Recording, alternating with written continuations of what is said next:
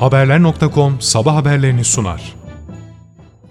22 Ağustos 2022 Sabah Haberleri Gaziantep'te kaza yapan araca müdahale edenlere çarpan yolcu otobüsünün şoförü tutuklandı. Kazada yaralanan otobüs şoförü AM, Nizip Devlet Hastanesi'ndeki tedavisinin ardından sorgu için ilçe jandarma komutanlığına gönderildi. Şoför daha sonra nöbetçi mahkemeye sevk edildi.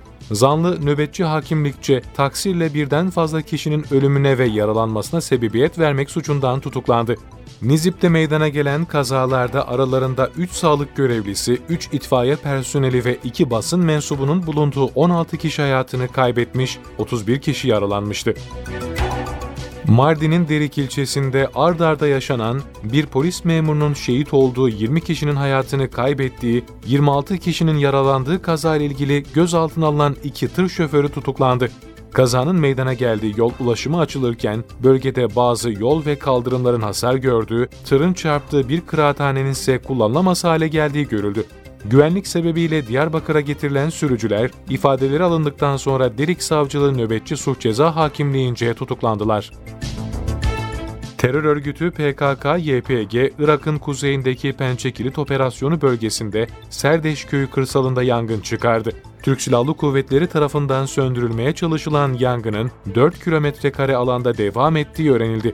Milli Savunma Bakanı Hulusi Akar yaptığı açıklamalarda terör örgütü elebaşlarının örgüt mensuplarına sabotaj ve orman yangınları çıkartması yönünde talimat verdiğini ifade etmişti. Manisa'nın Kula ilçesindeki ormanlık alanda yangın çıktı. Hamidiye Mahallesi yakınlarındaki ormanlık alanda henüz belirlenemeyen nedenle yangın çıktı. Yangına İzmir Orman Müdürlüğü'ne bağlı ekiplerde dahil 2 uçak, 4 helikopter, 13 arazöz ve 4 su tankeriyle müdahale ediliyor. Çevre Şehircilik ve İklim Değişikliği Bakanı Murat Kurum, Cumhurbaşkanı Recep Tayyip Erdoğan'ın 13 Eylül'de Cumhuriyet tarihinin en büyük sosyal konut hamlesinin detaylarını açıklayacağını bildirdi. Bakan kurum Twitter hesabından yaptığı paylaşımında vatandaşlara en iyisini sunmak için gece gündüz çalıştıklarını belirtti. Bakan kurum paylaşımında proje ilişkin detayları içeren infografiye de yer verdi. Buna göre Cumhuriyet tarihinin en büyük sosyal konut projesiyle vatandaşlar 81 ilde kira öder gibi ev sahibi olabilecek. Rusya'nın tanınmış siyaset uzmanı Alexander Dugin'in kızı Darya Dugina'nın planlı şekilde öldürüldüğü bildirildi. Rusya Soruşturma Komitesi'nden yapılan açıklamada Dugina'nın içinde bulunduğu aracın patlatılması nedeniyle hayatını kaybettiği hatırlatıldı. Dugina'ya yönelik suç işlendiği kaydedilen açıklamada elde edilen bilgilere göre suçun önceden planlandığı ve sipariş üzerine işlendiği düşünülüyor ifadelerine yer verildi. Milli sporcular artistik jimnastik erkekler Avrupa Şampiyonası'nı 4 madalyayla tamamladı.